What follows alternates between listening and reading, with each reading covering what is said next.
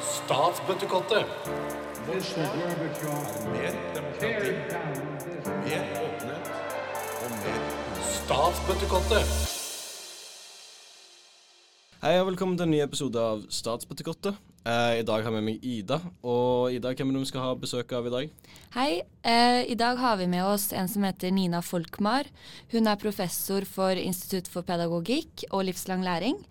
Eh, og i dag så skal vi snakke om utdanningspolitikk og utdanningshistorie i Norge. Ja, Så det blir veldig spennende. Så Ja. da tenker jeg bare å få en gjesten.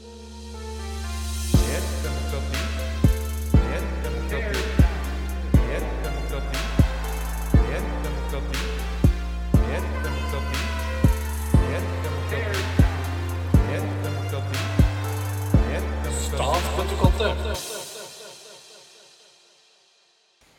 Dagens gjest er Nina Folkmar. Hun er professor ved Institutt for pedagogikk og livslang læring her ved NTNU. Nina forsker og underviser i utdanningshistorie og utdanningspolitikk på bachelor- og masternivå i pedagogikk. Hun har en doktorgrad på avhandlingen Fra solidarisk samværskultur til kunnskapssolidaritet. Nina har spesifikt arbeidet med den nordiske skolemodellen og publisert artikler for nordiske pedagogiske tidsskrift. I dag skal vi lære mer om Norges utdanningssystem. Men først, velkommen til oss, Nina. Er du fornøyd med introduksjonen? Jeg kan rette på én ting. Ja. Og det er at eh, jeg også har vært en del utenfor Norden. Og sammenlignet utdanningssystem både i Australia og Norge. Og jeg har skrevet om færøysk skoleutvikling. Og nå, eh, etter jul, så har jeg vært i, i Dublin og holder på å skrive om irsk utdanning. Oi, ok, så spennende. det er mye mer enn den nordiske skolemodellen her, altså. Ja, eh, Hvordan endte du opp på, med å forske på utdanningshistorie og utdanningspolitikk? Eh, Det var fordi at jeg Jeg jobba flere år som lærer, og så begynte jeg å studere pedagogikk i relativt voksen alder. Og så ble jeg eh, vitenskapelig assistent på et eh, prosjekt om skolepolitikk, hvor vi analyserte eh, de ulike partiprogrammene og deres skolepolitikk. Og så eh, via det så fikk jeg et stipend innafor et forskningsprosjekt som het Grunnskolen som nasjonsbygging. Ja, Så du tok en liten omvei til forskerveien, altså? Det var ikke rett, eh, rett der etter Nei, det, er- jeg har vært uh, sløydlærer og litt av hvert på forhånd. Ja. Ja. ja, men det er bra. Det, vi har også et, et spørsmål som vi stiller alle gjestene på denne podkasten, som er hvis du var stranda på en øde øy, og du måtte ha med deg én statsleder fra hvilket som helst tidsperiode innenfor uh, tid og rom, død eller levende, hvem ville du valgt da? Jeg tror jeg ville valgt Barack Obama. Oi, Godt han hadde vært veldig koselig å være på øde øy med, tror jeg. Det, det kunne blitt gode samtaler. Jeg har lest, eh, lest biografien hans og Michelle Obama. Ja, Så. ja, ja hun, er ganske, hun er ganske rå dame. Ja. Eh, Dagens podkast skal som sagt handle om utdanningspolitikk i norsk historie. Eh, og dersom man studerer statsvitenskap eller pedagogikk, så er man kanskje kjent med noe av den politiske utviklingen vi er innom. Utdanningspolitikk kan jo ikke studeres unntaksvis. Eh, Det må ses i sammenheng med det som foregår internasjonalt. Så derfor skal vi også innom utdanningskonteksten, særlig etter 80-tallet, da verden krympet og globaliseringen satte nye ideer i spill. Eh, Og det kom en ny diskurs også til Norge, og utover 90- og 2000-tallet så begynte man å stille høyere krav på kvalitet i skolen i form av mer resultatstyring. Eh, I hovedsak kan man se på utviklingen fra 1945 at skolen har fremmet en enhetsskole og et likeverdighetsprinsipp. Samtidig kan man si at skolen har fått en mer instrumentell tilnærming til pedagogikken gjennom de siste tiårene. Eh, Vi skal etter hvert innom noen av dagens utfordringer med norsk skole. Ja. Så kan jeg starte egentlig med første spørsmål, som er ideen om enhetsskolen. Eh, og det som betegnes som et solidarisk sosialdemokratisk prosjekt i boken din. Eh, hva legger du i enhetsskolen? Ja, eh, altså enhetsskolen, da er vi nødt Eller ideen om enhetsskolen. Selve enhetsskolebegrepet, det eh, eh, det ble nok i første omgang lansert på slutten av 1800-tallet, men det var først i 1911 at det ble nedsatt en komité som ble kalt Enhetsskolekomiteen. Men eh, selve det som ligger i enhetsskolebegrepet, det er at du har et enhetlig system. Altså at du ikke har mange parallelle system. At man tidligere hadde eh, forskjellige skoler for ulike eh, sosiale lag i samfunnet. Så, eh, så, det som ligger i enhetsskolebegrepet, det er at du har et enhetlig skolesystem. Og, eh, og det kan du, hvis du ser tilbake igjen på da utviklingen av eh, det vi kan kalle grunnutdanning i Norge, så starta jo det da som en allmueskole for de eh, fattige og de som bodde på landsbygda. Og så jobbet man kontinuerlig eh, gjennom 1800-tallet for å eh, utvide skolen i antall år og utvide, altså få inn flere og flere elever i samme skole. Uh, og um, første um, milepæl, det var vel 1860, men da fikk du en allmueskolelov. Uh, men den ga bare tre års utdanning. Og dessuten så fantes det da alternativer for, for de som hadde anledning til å få annen utdanning. Så først på slutten av 1800-tallet, da fikk vi en felles femårig folkeskole. Og, eh, og det de sørga for da, var at hvis man skulle ta videre utdanning, så bygde den på den femårige folkeskolen. Og da fikk du på en måte da insentiver til å få alle sammen til å gå i samme skole. Og så, så eh, det er det som ligger i at du har altså et system som favner alle. Det er det som ligger i begrepet. Tankegangen er at alle, uansett av et sosial bakgrunn, skal gjennom samme type skolesystem for å få en type felles forståelse av ja, skolen og samfunnet, da, på en måte. Ja. Og så er det eh, eh oppi det hele, så kan jeg godt vise til eh, Johan Sverdrup som eh, etter da innføringen av parlamentarismen i 1884 eh, eh, skrev til sin kirke- og undervisningsminister Elias Blix, så skrev han at nå har jeg talt for eh, folkets styre, og eh, nå vil jeg liksom jobbe, mitt, jobbe for eh, folkets skole. Ja. Og, og det, tanken var da ikke bare at skolen skulle favne alle, men at du skulle ha et enhetlig system som gjorde at du kunne gå fra ett trinn til neste, og fra ett skoleslag til neste. Det, og det er et veldig viktig prinsipp, for det er egentlig den som har styrt eh, norsk utdanning eh, helt eh, siden. Et spørsmål om differensiering, eh, og da er det jo dette med nivåinndeling av elever. Eh, hva har vært tradisjoner for dette i Norge? Hvilke partier har ønsket å bevare en inndeling etter evner, og hvilke har ønsket å fremme en felles allmennskole?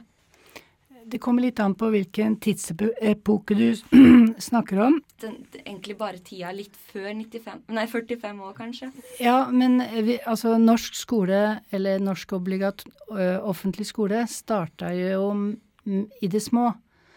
Og den gangen så var den offentlige allmueskolen for de som ikke hadde annen utdanning. Det var spesielt i, på landsbygda og i byene. Mens de som hadde penger, de kunne kjøpe seg til annen utdanning tilpassa deres stand. Så derfor så var det i utgangspunktet et uh, standsdifferensiert utdanningssystem. Mm. Og etter hvert som man, uh, som man bygde ut den offentlige skolen, så kjempet man for å få inn stadig flere i den offentlige skolen.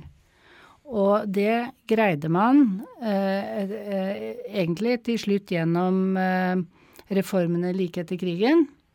Eh, eh, og da fikk man alle inn i én offentlig skole, altså niårig grunnskole. Men det man tenkte på den gangen, det var at det var såpass stor forskjell på elevene at hvis vi gjør det, så er vi nødt til å differensiere elevene de to siste årene av de niårige skole. Og sånn sett, så da ble det eh, eh, et prinsipp om en organisatorisk differensiering, dvs. Si at du kunne dele inn gruppene etter evner og anlegg. Og da hadde vi forskjellige modeller for det. Men det var eh, kursplaner eh, i det, den modellen det endte opp med.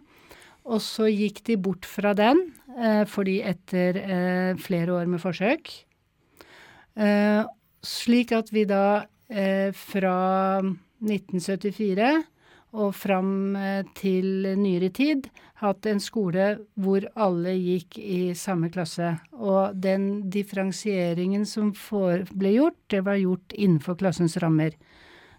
Såkalt pedagogisk differensiering.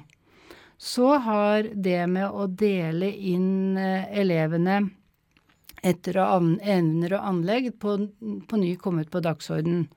Og hvis vi da ser på de politiske skillelinjene, så er det jevnt over eh, partiene på høyresiden som, eh, som er talsmenn for å dele elevene inn etter evner og anlegg. Mens eh, venstresiden mer holder på fellesskapet og at elevene skal holdes samlet. Ja, Vi har vært litt inne på det nå, men retten til utdanning har jo ikke vært lik til enhver tid. Hvordan sto det f.eks. til med eh, barn med funksjonshemning og minoritetselever før?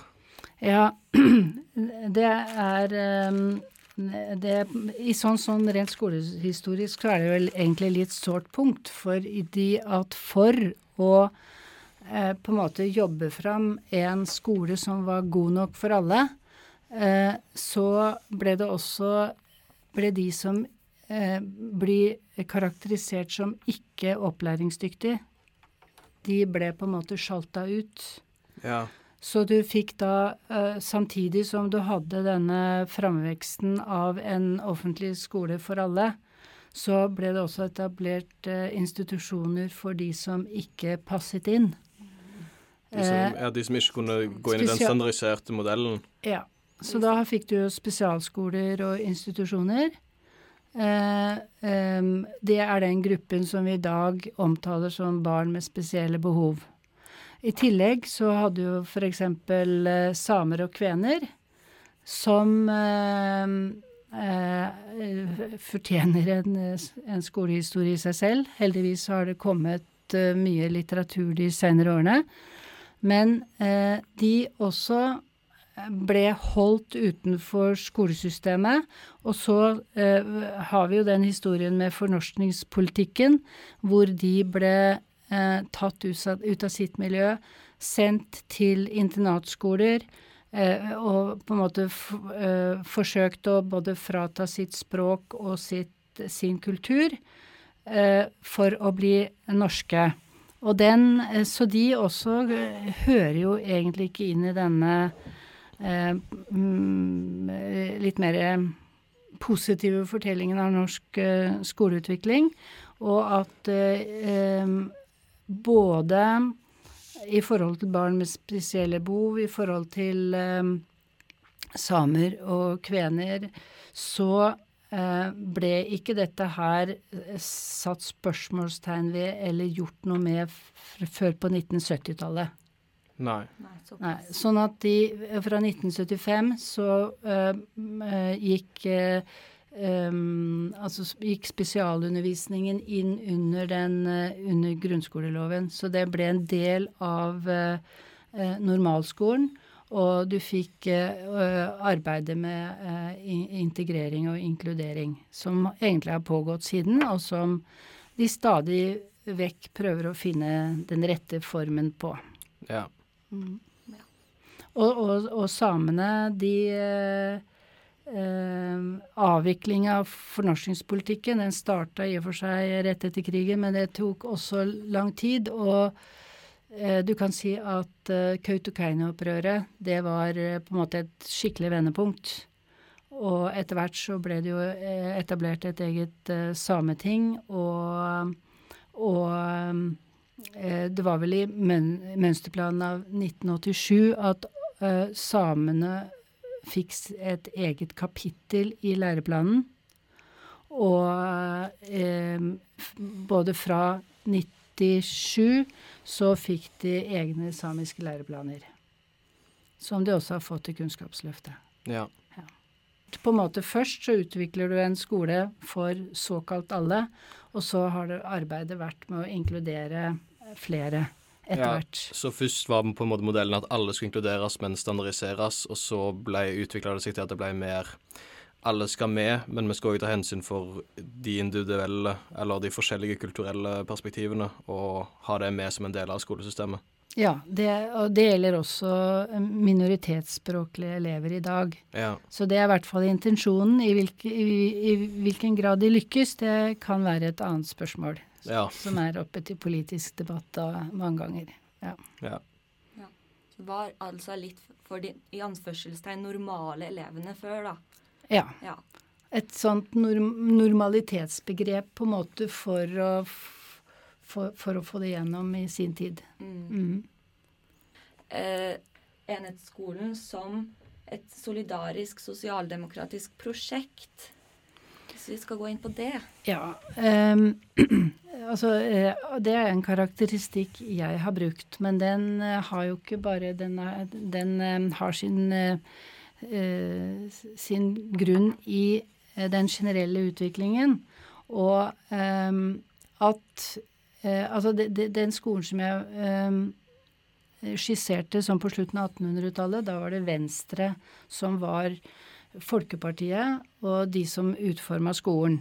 Mens eh, før krigen så var det jo Arbeiderpartiet som tok over som det nye Folkepartiet, og eh, som etter krigen eh, utforma den sosialdemokratiske eh, samfunnsmodellen eh, i Norge. Men det vi også må eh, Som det gjenspeiler, det er jo den internasjonale utviklingen. Det er eh, eh, På bakgrunn av krigens erfaringer så var jo de veldig mange andre land utforma såkalte sosialstatlige modeller der staten fikk et større ansvar for fellesskapet. Velferdsstaten og. Velferdsstaten og hele alt det du tenker rundt det, og at den eh, fikk ulike modeller, og at de nordiske landene da hadde en, valgte en sosialdemokratisk eh, samfunnsmodell. Eh, og eh, i norsk sammenheng, da, eller eh, det var nok både i Sverige og Danmark også det samme, eh, at skolen var en viktig institusjon i den sosialdemokratiske samfunnsmodellen. Så på en måte så ville jo da eh, skolen være eh, ble ansett også som et eh, samfunn i miniatyr. Eh, og at Og da kommer vi tilbake igjen til enhetsskolen med tanken om at alle elever går i samme skole og, og, og møter eh, barn, medelever med ulik sosial bakgrunn, så framt du har et eh, ok bo, bosettingsmønster, og at eh, det er i orden, da. At du har eh, variert bo, bosettingsmønster.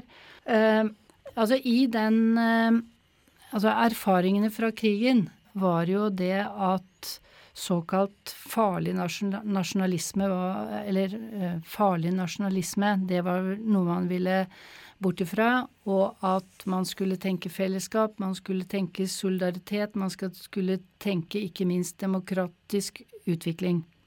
At, eh, og demokratiopplæring.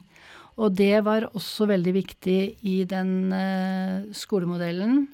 eh, hvor eh, på en måte man hadde en todelt uh, intensjon om skolen. Både at den skulle være en læringsarena, men den skulle også være en arena for demokratisk oppdragelse. Og uh, der kommer uh, denne forestillingen om at eh, i en skole for alle, og at skolen da i seg selv fungerer som et samfunns miniatyr, så vil elevene som møtes i denne felles skolen, eh, på en måte få en opplæring i demokrati i samværet i skolen. Altså at like mye som innholdet i skolen, så er bare det eh, eh, hvordan man Arbeidsmåten og hvordan du jobber i skolen, er vel så viktig som det de lærer. Ja, Du skulle skape en form for nasjonalfølelse uten nasjonalismen, da, på en måte. Ja, du kan kalle det da en samfunn en, Det daværende eh, eh, sentrale utdanningspolitiker Helge Sivertsen hun kalte det en solidarisk samværskultur. Ja. Ja. Rett og slett fordi ikke bare det faglige innholdet, men også måten skolen er på. Det skal være likt, og det er den dem, dette demokratiet. Ja, og så var det ø, lagt veldig vel, mye my på samarbeid. Altså Ja. gruppearbeid og elevråd etc. Alt det ble innført på den tida. Mhm. Så elevdemokratiet. Elevdemokratiet. Ja. ja. I den grad eh, man tenker at det har fungert.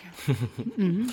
Ja, det, det var det. Det er vel uh, variert hva folk mener om det. Ja. Eh, men på 80-tallet så begynte det nå å snakke om eh, nyliberal utdanningskontekst. Uh, globalisering gjorde det mulig å dele nye skolepolitiske ideer. Uh, og dette var jo en spredning som skjedde rundt omkring i hele verden. At en tanke om en mer nyliberal skole. På 80-tallet snakker Norge fortsatt om enhetsskole, men mot tusenårsskiftet ble det erstatta med ideen om fellesskole.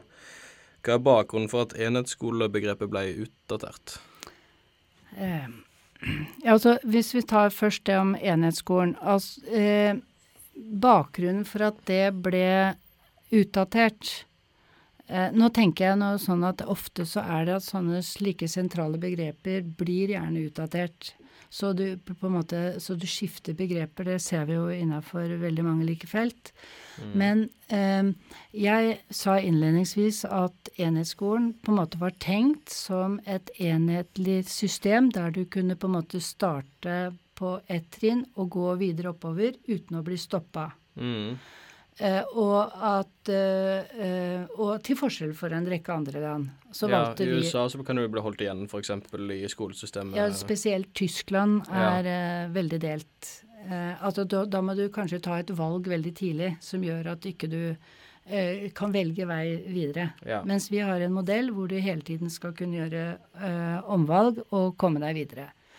Eh, men det som Kritikken mot enhetsskolen, den kom eh, fra høyresida, som på en måte sa det at eh, eh, de, altså at de ikke De så liksom bort fra dette enhetlige og sa at det var en ensrettingsskole hvor alle ble like.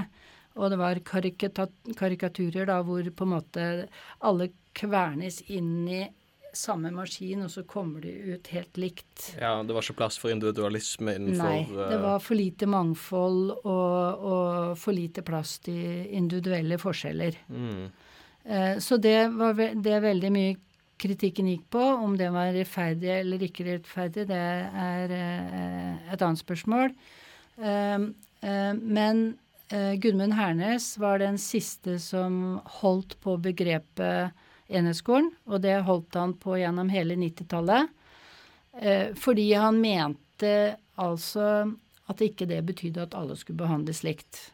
Men eh, og med overgangen til 2000 så tror jeg på en måte mm, begrepet hadde fått så mye kritikk at eh, de, det var ingen som opponerte mot å skifte ut det begrepet med fellesskolen. Nei. Ja, altså rent personlig så eh, mener vel jeg at eh, ja, altså Enhetsskolebegrepet da var på en måte befengt med noen eh, ideer eller forestillinger, og at eh, fellesskolen da i større grad åpna opp for ideer om, eh, om mangfold og individuell tilpasning innafor et fellessystem. Ja. Så det betyr ikke at jeg har gått bort ifra ideen om en felles skole. Bare at eh, de mener kanskje at det begrepet åpner opp for større variasjon. ja, for da åpner det kanskje opp f.eks. det at nå kan jo elever som er veldig gode i matte, ta matte ett nivå opp, men fortsatt være i samme klasse. Men de får lov til å jobbe med matteoppgaver som er mer avansert hvis de har, mulighet, hvis de har muligheten til det. Ja, det, det er jo da som vi var inne på tidligere med differensiering eller inndeling i grupper etter an, eh, evner og anlegg eh, og interesser. Men eh, også kan du se det i forhold til privatiseringsspørsmålet. Altså at du i større grad eh, åpner opp for private løsninger, men innafor et felles system. Ja. Eh, utå, altså den sosialdemokratiske samfunnsmodellen eh, eh, ble jo det jo stilt spørsmålstegn ved eh, sånn på slutten av 70-tallet, inngangen til 98-tallet. Altså da vi får eh, en mer sånn nyliberal tankegods som får gjennomslag. Og da er det man, man eh, tenker er, liksom Har den sosialdemokratiske skolen, eller modellen, samfunnsmodellen, utspilt sin rolle? Og det samme eh, gjelder da altså eh, skolen. Og da får en litt sånn merkelapp og karakteristikk at, eh, at eh, skolen Altså etter krigen så er det vel sånn relativt enighet om at eh, en periode så var det et eh, en ganske god vektlegging mellom instru instrumentelle mot motiv og det å drive med personlighetsutvikling. Mens på 70-tallet så eh, begynte man å snakke om trivselsskolen og at eh, det var det samme hva elevene lærte etc. Så det ble sånn som en kritikk fordi den ikke ga elevene nok kunnskap. Elevene kunne kanskje ikke konkurrere Med økt globalisering så ble det vel en kritikk for at elevene ikke kunne konkurrere internasjonalt mot, Ja. ja, mot Selv om dette var før testene ble innført. Ja. Men, så, men Gudmund Hernes, som da eh, også var eh, arbeiderpartimann, han, eh, han kritiserte jo voldsomt den Ikke den utviklingen som hadde skjedd rett etter krigen, men han skjedde det som hadde eh, skjedd på, utover spesielt på 70-tallet. Og, eh, og han kritiserte skolen for å ikke være ambisiøs og for slapp og alt det her. Så han ble jo da eh, ny eh, minister for utdanning i eh, 91. Og da etter den voldsomme kritikken han hadde reist. Og han ville gjenreise kunnskapsskolen. ja. Eh, og eh, målstyring som prinsipp hadde blitt eh, hadde, ble vedtatt i 1991. Men eh, Og det ble nok en dreining mot det. Altså en, dreining av utdanningspolitikken i nyliberal retning. Eh, men Gudmund Hernes var opptatt mest av skolens innhold. Så det han kom med, var veldig mye en innholdsreform med den nye læreplanen som var veldig detaljert. Eh, med klare mål for hvert eh, fag.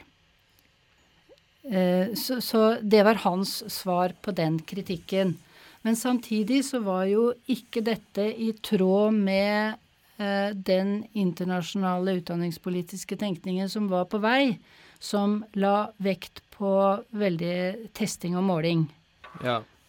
Og den læreplanen som eh, Gudmund Hernes eh, er, ble ansvarlig for, da, L97, L94, den passa ikke med et sånt testregime. Og så fikk vi da PISA-sjokket i 2001. Eh, eh, som da testa en norsk utdanning i forhold til en modell som heller ikke var tilpassa et sånt testregime, da. Ja. Men da fikk eh, eh, da høyresiden i norsk politikk i utgangspunkt de insentivene de trengte for å dreie skolen i en annen retning. ja for PISA-sjokket var at de skårte veldig dårlig på de testene. Eh, Det er en diskusjonssak hvor dårlig vi testa, men vi, vi plasserte oss rundt midten, og det var ikke godt nok ja. for Norge. Nei, vi skulle være Vi trodde vi var så gode, det var det. Ja, vi trodde vi var verdens beste. Ja. Typisk norsk å være best. ja. Ja. Så, og, da, eh, og da fikk vi en mer markert målstyring i, og resultatbasert styring i norsk utdanning. Var det da han begynte med type nasjonale prøver og den type Ja, eh, altså det var jo egentlig eh, Trond Giske fra Arbeiderpartiet som nedsatte kvalitetsutvalget mm, etter eh, de dårlige PISA-resultatene. Men det var Bondevik eh, II-regjeringen og Kristin Clemet som utforma Kunnskapsløftet. Designa og utforma den. ja. Ja. Og da eh, var det eh, innføring av nasjonale tester. Og de ble vel eh, gjennomført for eh, første gang Nå husker jeg ikke riktig om det var 2003-2004, men det var jo boikott fra lærernes side. Mm. Um, så den ble lagt på is, og så kom den tilbake i ny form i 2007. Ja, så jeg var var med på den første nasjonale prøven, da, kanskje. Det kan hende at du var med. Ja. Starta du i 2007? Hæ, jeg begynte på skolen i 2006. Å ja, det gjorde jeg òg. Ja, kanskje vi var med på den? Nasjonalt, Vi begynte på et nasjonalt vendepunkt. Ja. Okay. Eh, Nei, da, da de endra prøvene litt. Men utgangspunktet var, eh, selv om, eh, selv om eh, Kunnskapsløftet ble designa og, eh, og utforma av Kristin Clemet, så var det jo faktisk Sosialistisk Venstreparti med mm, Øystein Djupedal som implementerte Kunnskapsløftet. Ja. Fordi, og det kan du forklare med at uh, Kunnskapsløftet det var jo skjedde jo heller ikke et nasjonalt vakuum. Det gjenspeiler veldig mye av det som skjedde rundt om i verden. Uh, det var det ene, at det var i tråd, mer i tråd med internasjonal uh, utdanningspolitikk. Og det andre var at det var ikke så mye motstand mot eh, reformen slik som den da framlå for eh, politikerne. Og den var vel sånn også relativt godt tatt imot, sånn at de, det var ingen som så at det tjent med å endre veldig mye før den ble satt ut i livet. Nei. Så det, du kan si at Kunnskapsløftet eh, eh, At det var Trond Giske fra Arbeiderpartiet som satte ned Kunnskapsløftet. Det var Kristin Clemet som utforma den. Og så var det Sosialistisk Venstreparti som eh, implementerte den. Og si, siden har det hatt både både mm, eh, de rød-grønne og eh, de borgerlige som har eh, styrt eh, norsk utdanningspolitikk på en måte under den samme reformen, da. Ja, så det har vært veldig mye enighet på kost? Ja, det er en konsensusreform, konsensusreform, egentlig. De tingene de har skilt lag på, det er gjerne i synet på eh, privatisering og nivåinndeling Ja. Ja. Det, Mm. det var tverrpolitisk enighet om at eh, kvaliteten må opp etter dette PISA-sjokket kom. Uansett parti, omtrent. Ja. Men så er vi jo Nå er vi over i dette privatiseringsspørsmålet. Eh, nesten. Eller nå, mm. nå kan vi jo ta det, da. Hva har vært holdningen blant de forskjellige partiene da, til å privatisere utdanningssektoren? Eller et annet spørsmål da, om private skoler, kan det true denne fellesskoletanken? Altså, etter at eh, eh, niårig skole ble innført, og en del andre utdanningspolitiske tiltak, så var nærmest private skoler uh, u... Eh, altså det var mindre enn 1 prosent, altså det var en veldig liten prosentandel som gikk på private skoler. Og sånn på, eh, på 70-tallet så begynte man å murre litt om det. Spesielt så var det vel Kristelig Folkeparti i utgangspunktet som mente at kristne private skoler hadde for dårlige mm, økonomiske vilkår. Så de satte det på dagsorden. Men eh, eh, i 1985 så fikk vi en privatskolelov som jeg mener Arbeiderpartiet ut, u- utarbeida.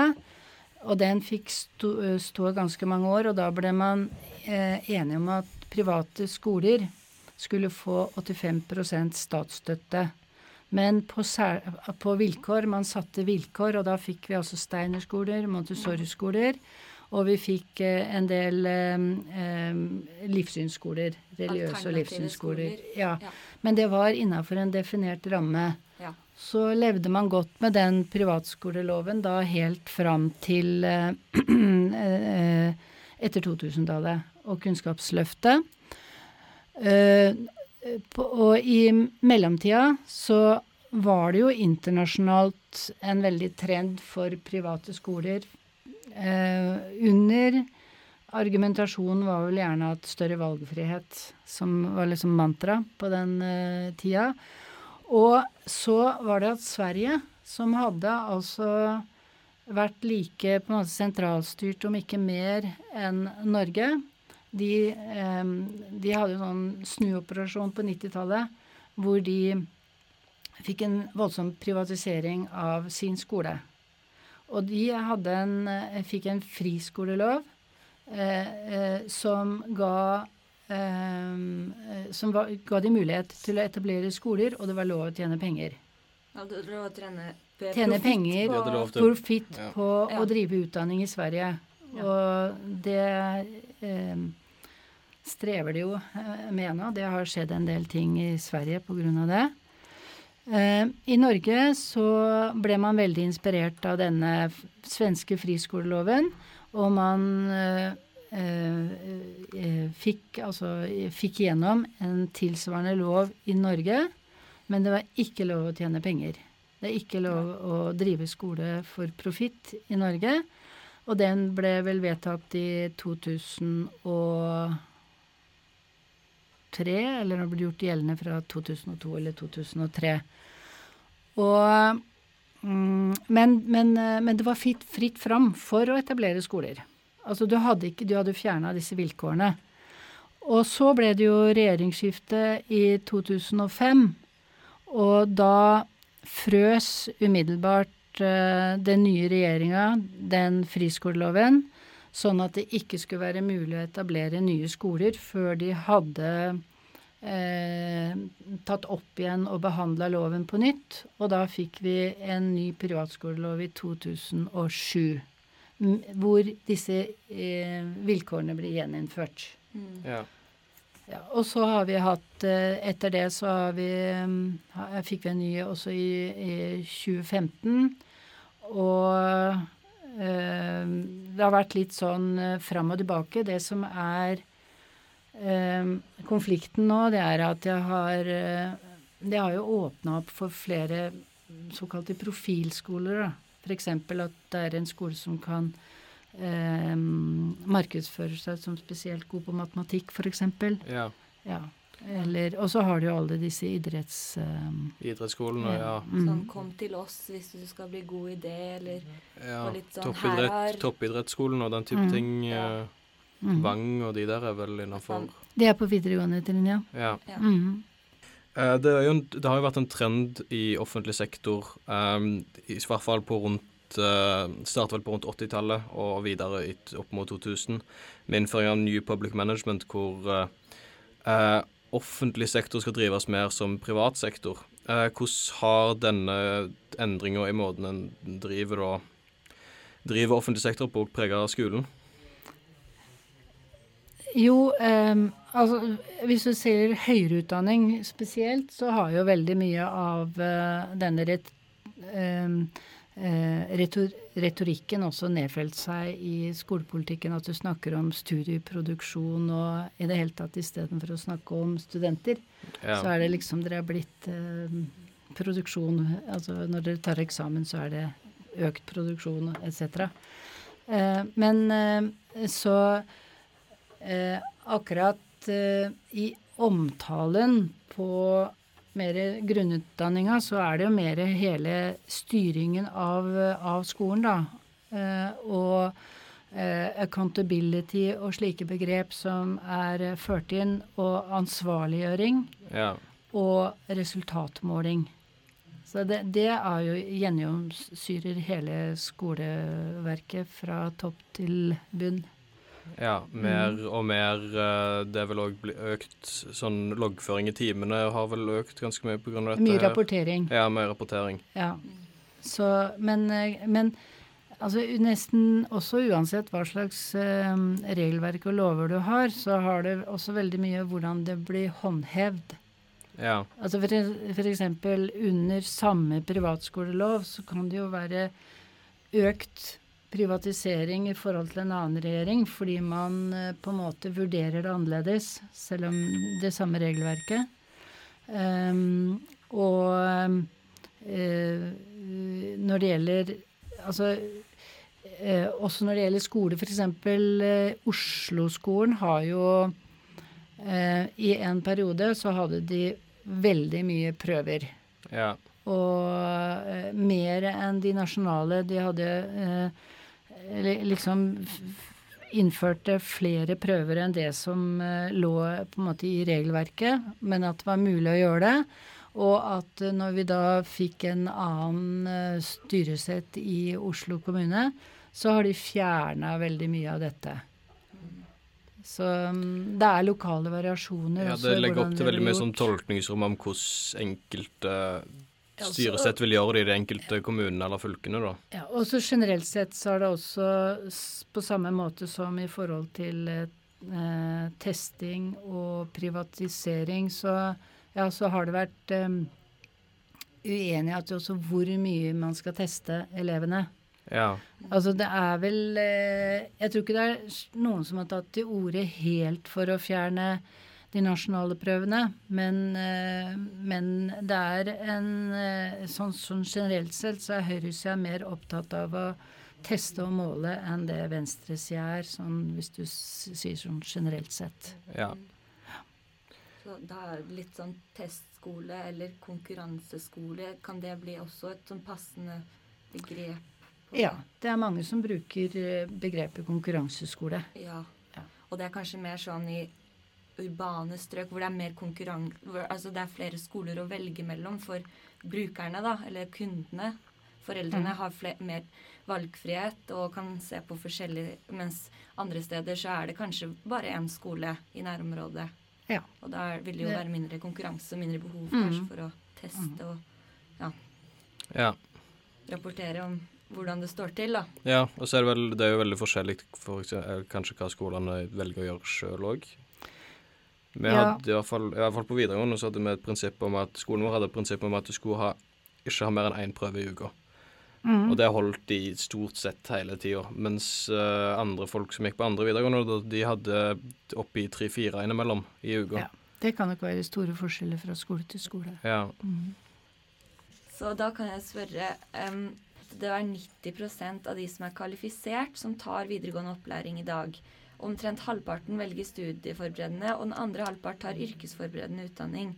Men så er det påvist et større frafall i yrkesopplæringer framfor de som tar studieforberedende. Hva kan dette skyldes? Ja, det her har eh, Altså, det her har vært et eh, eh, vært en utfordring da gjennom mange år. Og man har prøvd å gjøre veldig mange eh, ulike tiltak og program.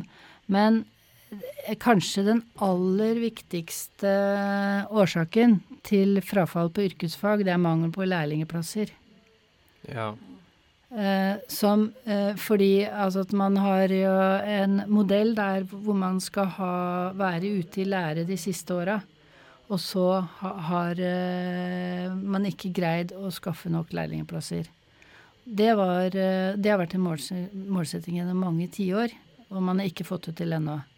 Og det er det også som ligger litt bak den nye fullføringsreformen.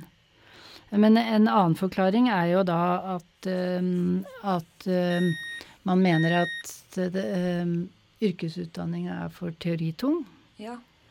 Eh, og at gjerne at det er eh, de med lavest poengsum fra ungdomsskolen, da, som også kommer inn på yrkesskolen. Og så er den i tillegg teoritung.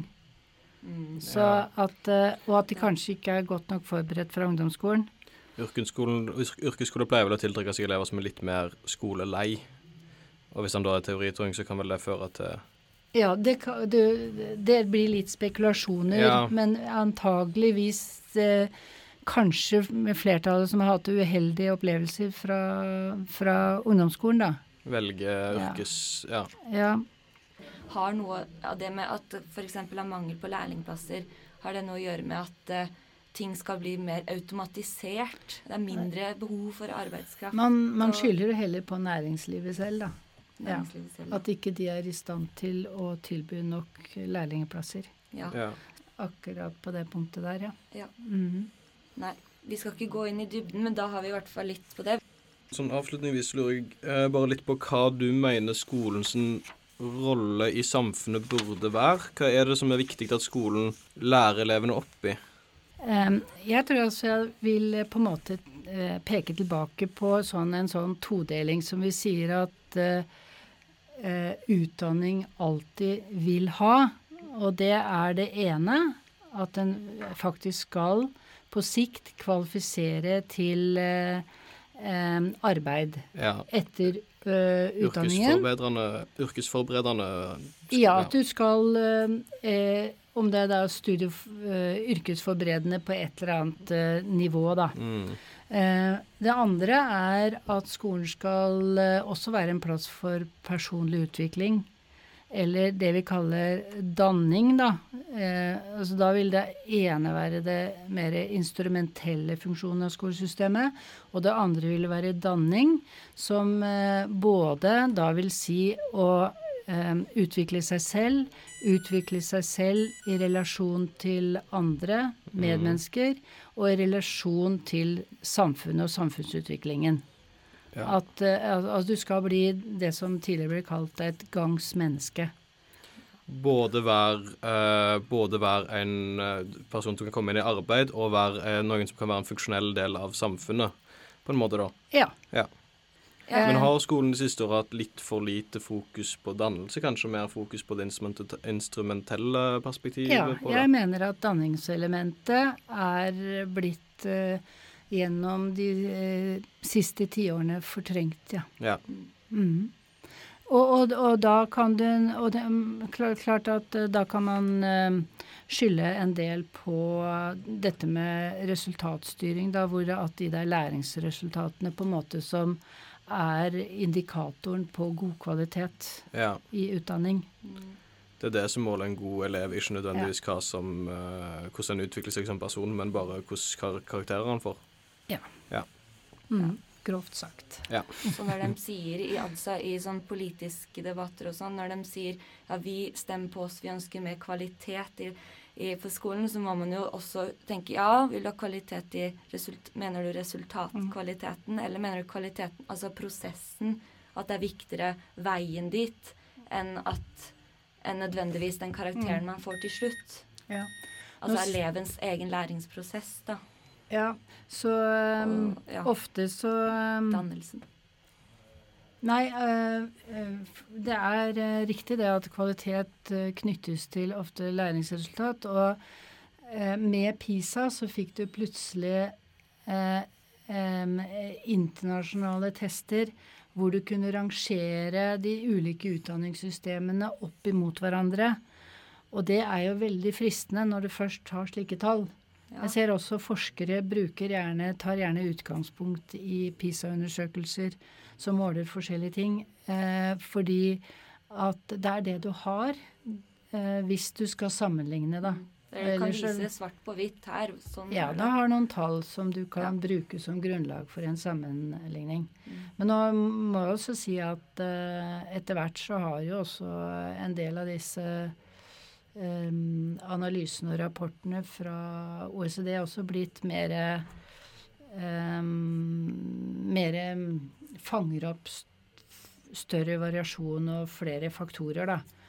Men uh, hvis du leser offentlige, mm, norske offentlige dokumenter, så i tekst så kan du godt lese at danningselementet og sånt er ivaretatt, men eh, når man snakker om på en måte resultat og kvalitet og sånn, så er det gjerne disse de, det målbare, da, Mm. som Ja. eh, styrer. Ja. Mm.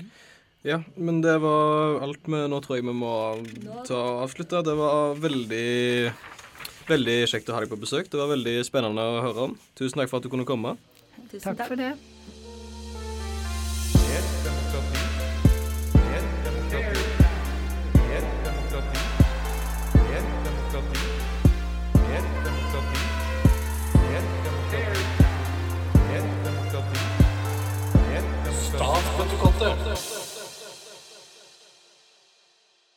Det var jo ekstremt spennende. Det var veldig, veldig interessant uh, tema. Ja. Veldig innholdsrikt. Mm. Vi er jo begge litt sånn småinteresserte i uh, utdanningshistorie, så det var veldig godt å få inn en ekspert på det og snakke om det i studio. Ja, jeg studerer jo eh, breddeåret mitt med pedagogikk, og du har, moren din er jo lærer. Ja. Så det ble veldig relevant for begge to. Mm, nå har jeg noe å ta på familiediskusjonene rundt eh, Ja. middagsbordet. Det blir du- veldig greit. Nå har jeg faktisk litt god info. Nå er du rusta. Nå er jeg rusta.